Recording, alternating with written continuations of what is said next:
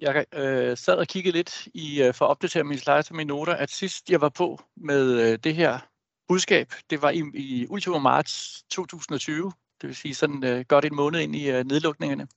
Så man kan håbe, at der er noget øh, positivt i timingen, at øh, så vil der kun gå øh, få måneder herfra, øh, så vil markedet vende voldsomt om igen.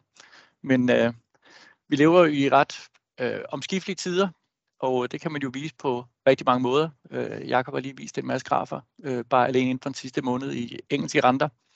Er der sket rigtig, rigtig meget.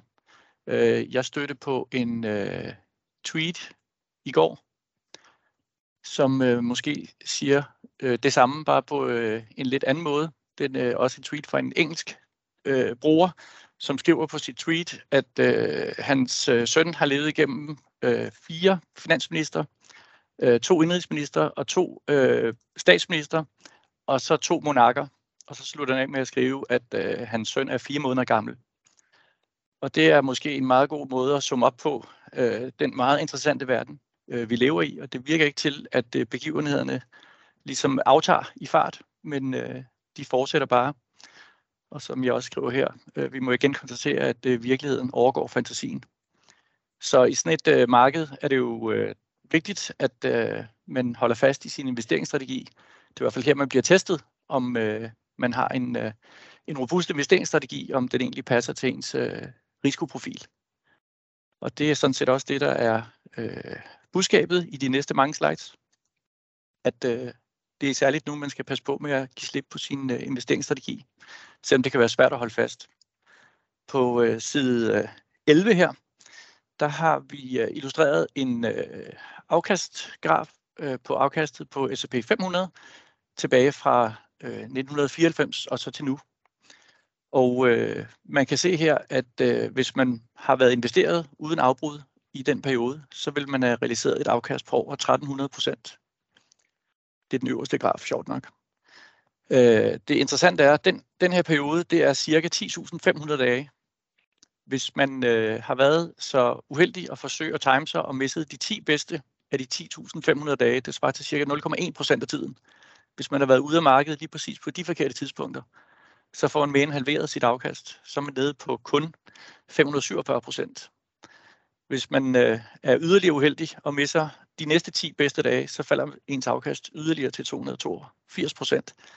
Og misser man 50, de 50 bedste ud af de 10.500 dage, der også inkluderer weekender og helligdage selvfølgelig, øh, så er man faktisk helt nede på et afkast på 10% på perioden, øh, imod den, der er blevet inden, har fået et afkast på over 1300%. Det er selvfølgelig lidt karikeret, men øh, det bør alligevel give lidt øh, stof til eftertanke. Det der med, at øh, timemarkedet, der har man simpelthen oddsene imod sig. Vi illustrerede lidt det samme øh, på den næste planche på øh, side 12. Der er det bare i søjlediagrammer, og så er afkastet i stedet for at være akkumuleret over hele perioden, så er det så øh, analyseret, det vil sige det årlige afkast. Og her kan man øh, som sagt se det samme, men på en anden måde, at øh, hvis man har været inde i øh, samtlige øh, 10.500 dage, så har man så fået et afkast, gennemsnitligt afkast på 9,6 procent hver år.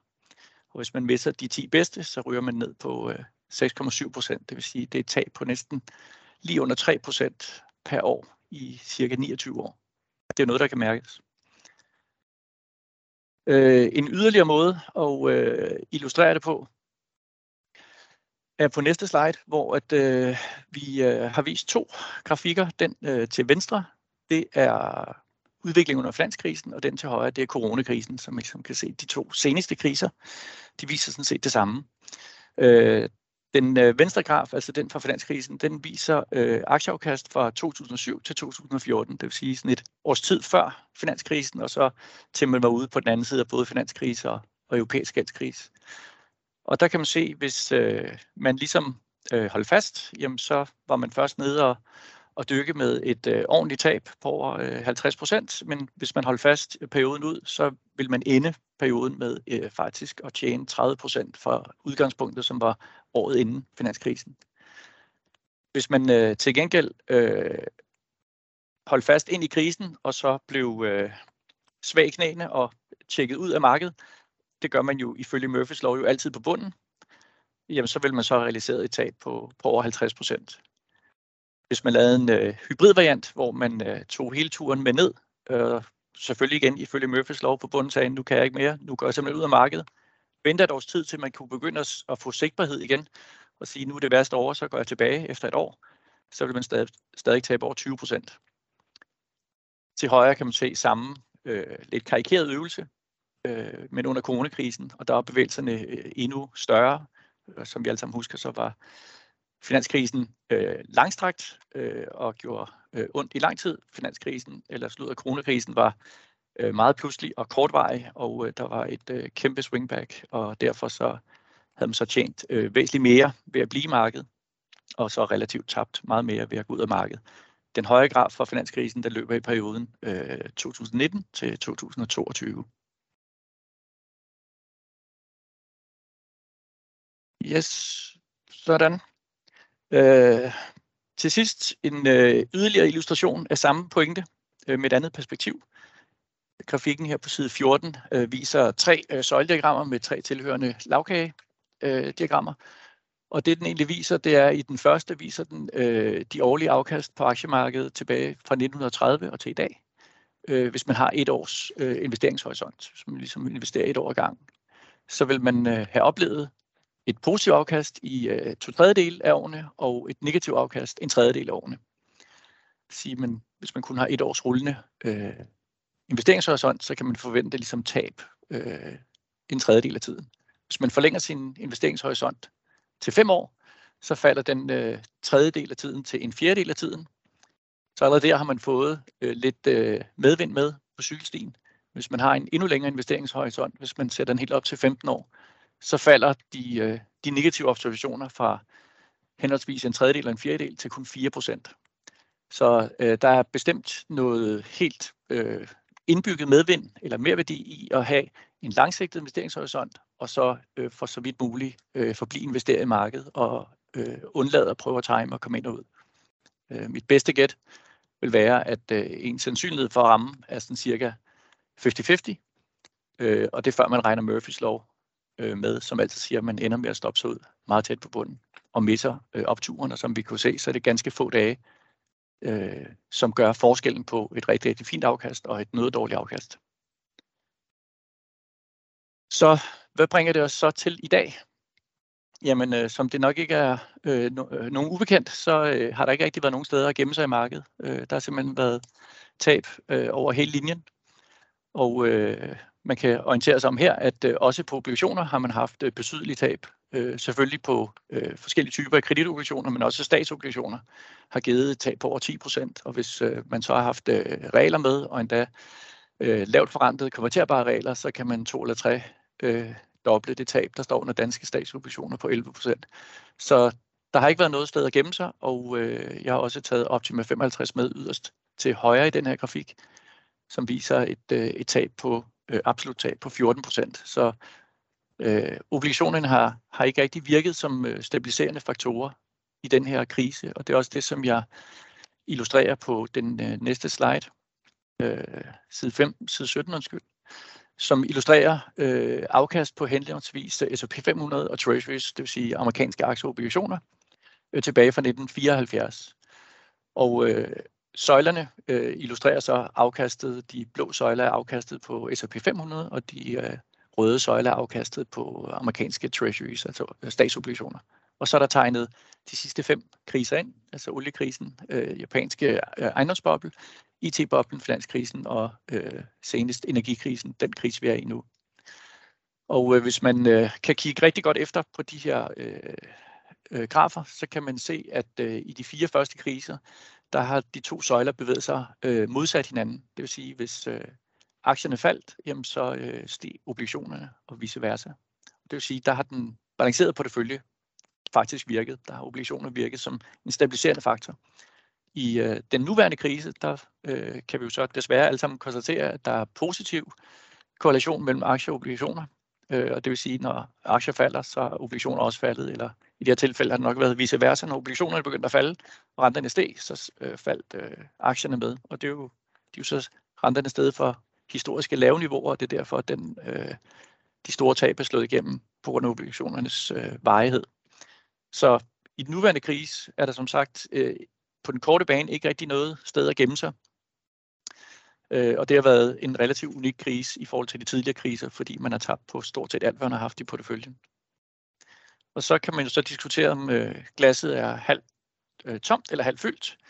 Som jeg nævnte før, øh, danske realkreditobligationer har haft et øh, voldsomt sving op i renten, som har medført øh, meget, meget store tab for obligationsejerne og mulighed for at skære restgælden meget voldsomt tilbage for udvalgte øh, debitorer.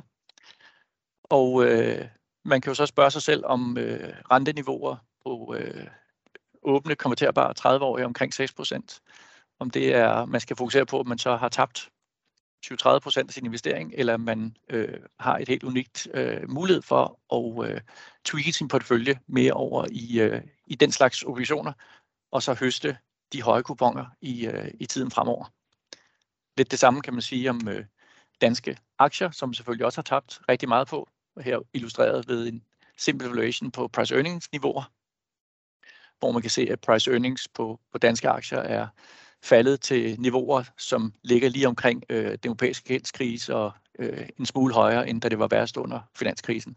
Så igen kan man diskutere, om glasset er øh, halvt tomt eller halvt fyldt. Vi kan ikke gøre noget ved de tab, vi har realiseret, men vi kan gøre noget ved øh, de øh, investeringsmuligheder og gevinster, vi kan gøre klar til, øh, til fremtiden.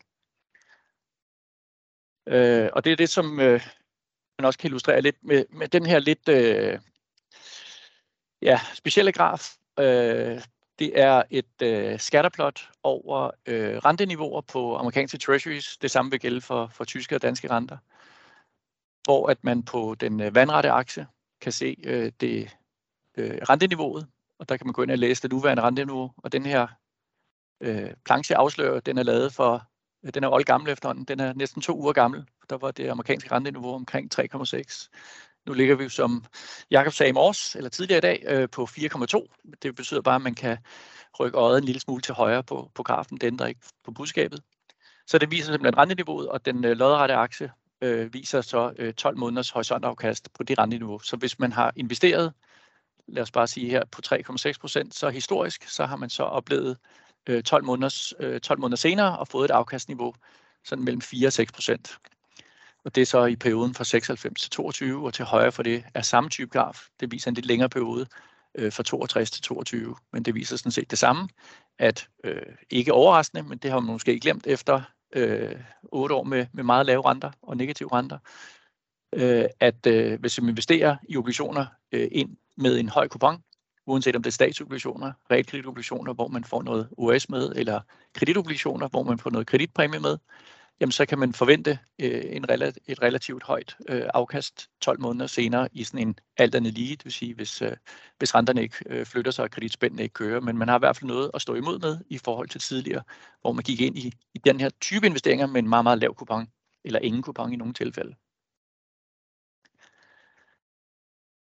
Det er illustreret på en anden måde på side 21, hvor at, øh, vi har taget øh, de rullende 12 måneders horisontafkast på forskellige obligationstyper. Den nederste graf er selvfølgelig korte danske obligationer, så kommer lange danske obligationer, så er det emerging markets obligationer, og øverst ligger virksomhedsobligationer i high yield-universet. Øh, og det man kan se på grafen, som går tilbage fra 2012 til i dag, det er selvfølgelig den bevægelse, vi kender fra, fra 12 til godt og vel 20. Øh, konstant pres nedad på renterne, og, og dermed lavere og lavere 12 måneders horisontafkast, indtil de faktisk blev negative. Og derfor har vi jo, som mange andre, også haft øh, advarselstrækanter på nogle af vores obligationsprodukter, fordi man kunne forvente at få negativ øh, 12 måneders afkast. Det billede er jo fuldstændig ændret nu, og som man kan se øh, yderst til højre på grafikken, jamen så kan man nu realisere nogle øh, relativt øh, høje øh, indgangsniveauer og forventet afkast på, på stort set alle obligationstyper. Så omkring øh, 2-3 procent på, på korte obligationer op mod 6% efterhånden på konverterbare regler, øh, og det samme eller højere på high yield obligationer.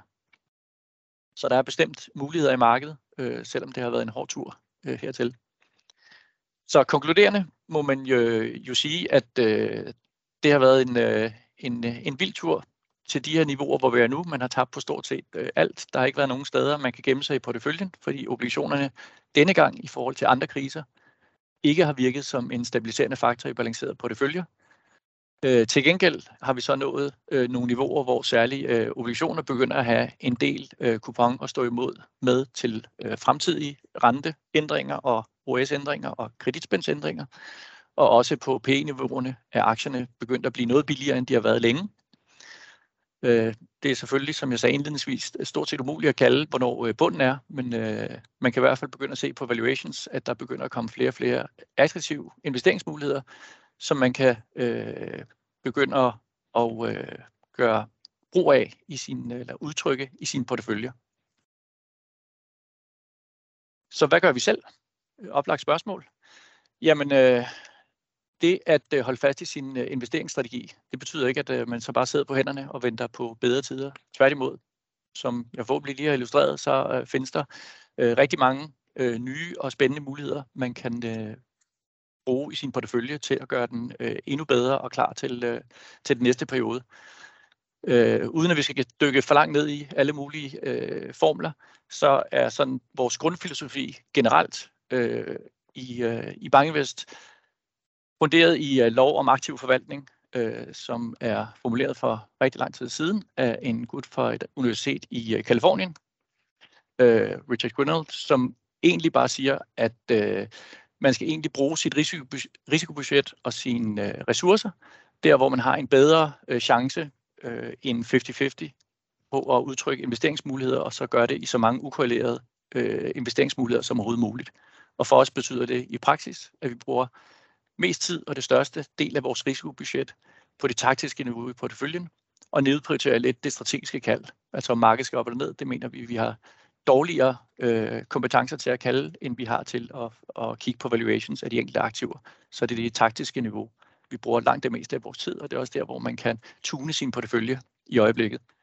Hvis man skal se på vores øh, balancerede mandater, altså Optima, så har vi, øh, som man kan se øh, på slide 26 yderst til højre, foretaget en lang række øh, ændringer for at udnytte nogle af de investeringsmuligheder, der er opstået i markedet øh, øh, hele året. Så det betyder jo lige præcis, at vi, øh, vi har ikke siddet på hænderne, vi har holdt fast i vores investeringsstrategi, men vi har udnyttet øh, de sving, der har været i markedet til at forbedre nogle af egenskaberne i, øh, i vores portefølje. Og det kan man så se øh, på, på pilene, det vi har øh, tjent på, har været, været undervægtet varighed, specielt i starten af året. Vi har over, været overvægtet ejendommen, vi har været overvægtet korte øh, kreditobligationer. Øh, så vi været undervægtet øh, brede emerging markets obligationer og undervægtet investment grade øh, obligationer. Øh, og det har vi så øh, haft øh, held med, og til gengæld har vi så haft en øh, overvægt på cykliske aktier i starten af året, hvor vi var noget mere optimistiske på udviklingen, end, øh, end markedet var, og det er så noget af det, vi har tabt på. Hvis man skal se på det sådan øh, over hele perioden, jamen så har vi har haft øh, gode resultater af den aktive investeringsproces på det taktiske niveau, altså ikke at sidde på hænderne. Og der kan man se på de forskellige af vores øh, Optima-profiler, at øh, det taktiske niveau faktisk har øh, forbedret afkastet og øget værdien af, af porteføljen i forhold til, hvis vi ikke havde gjort noget og sidde, bare sidde på vores hænder. Så det øh, afsluttende budskab er jo så, at øh, lad være med at prøve at tage markedet. Der har man simpelthen øh, oddsene øh, imod sig. Øh, prøv hellere at udnytte nogle af de muligheder, som øh, uroen øh, fører med sig til at øh, forbedre porteføljen øh, undervejs. Det var det, jeg havde øh, med til i dag, og så kan vi håbe, at vi har lige så meget held med markederne, som sidst jeg var på i marts 2020 med det her budskab.